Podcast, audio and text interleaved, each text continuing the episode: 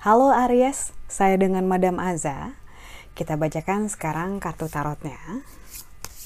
Untuk Aries, karir,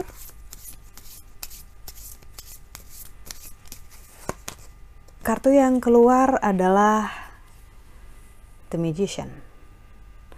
Anything could happen in a good way. Jadi apa pun bisa terjadi, tentu saja dalam hal yang bagus ya.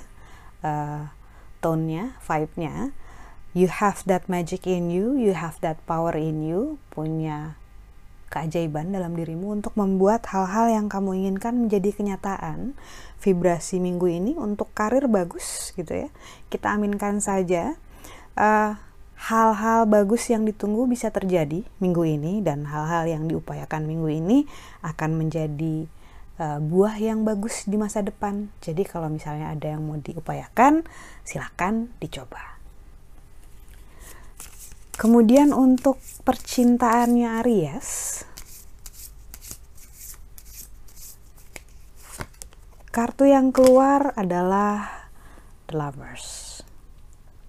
Mungkin sudah terlalu lelah dengan permainan perasaan, jadi saatnya untuk membuat komitmen selain komitmen dengan orang lain, pasangan gitu ya, misalnya ingin meningkatkan level hubungan dari yang gebetan jadi pacaran atau dari pacaran ke tunangan ataupun misalnya pernikahan gitu.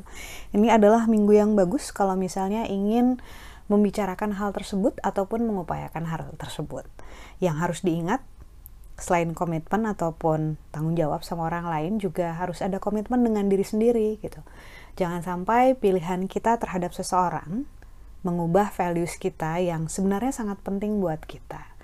Uh, harus diingat bahwa kalau sendiri bisa bahagia, berdua harus lebih bahagia. Lalu kartu nasihat yang diberikan untuk Aries. Kartu yang diberikan adalah Temperance. Kartu temperance ini, nasihat yang diberikan untuk Aries dengan kartu temperance adalah untuk take your time.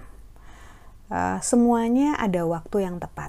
Jadi tidak usah terburu-buru dalam mengupayakan ataupun uh, menginginkan sesuatu. Terkadang kalau misalnya terlalu cepat, justru rewardnya ataupun perasaan puasnya, perasaan bahagianya malah kurang, lengkap gitu ya. Jadi kartu temperance di sini bilang bahwa perlahan-lahan saja, yang penting ada usaha secara bertahap melakukan sesuatu gitu ya, baby steps. Jadi dari langkah-langkah kecil setidaknya ada yang dimulai, setidaknya ada yang dilakukan. Uh, ini juga mengingatkan bahwa untuk tidak terlalu perfeksionis gitu. Jadi yang penting kamu upayakan dulu, kamu jalani aja dulu, kamu mulai dulu. Yang paling penting adalah memulai dulu. Tapi ya tidak usah terburu-buru, tidak usah tergesa-gesa karena ada yang namanya divine timing. Bahwa waktu yang diberikan oleh Tuhan itu adalah yang terbaik. Jadi kita terus berusaha dan kita terus berdoa. Sekian bacaannya, semoga bermanfaat. Saya doakan selalu sehat, bahagia, kaya raya, berkelimpahan segala hal yang baik. Bantu dengan cara like, subscribe, share, ataupun komen. Terima kasih banyak.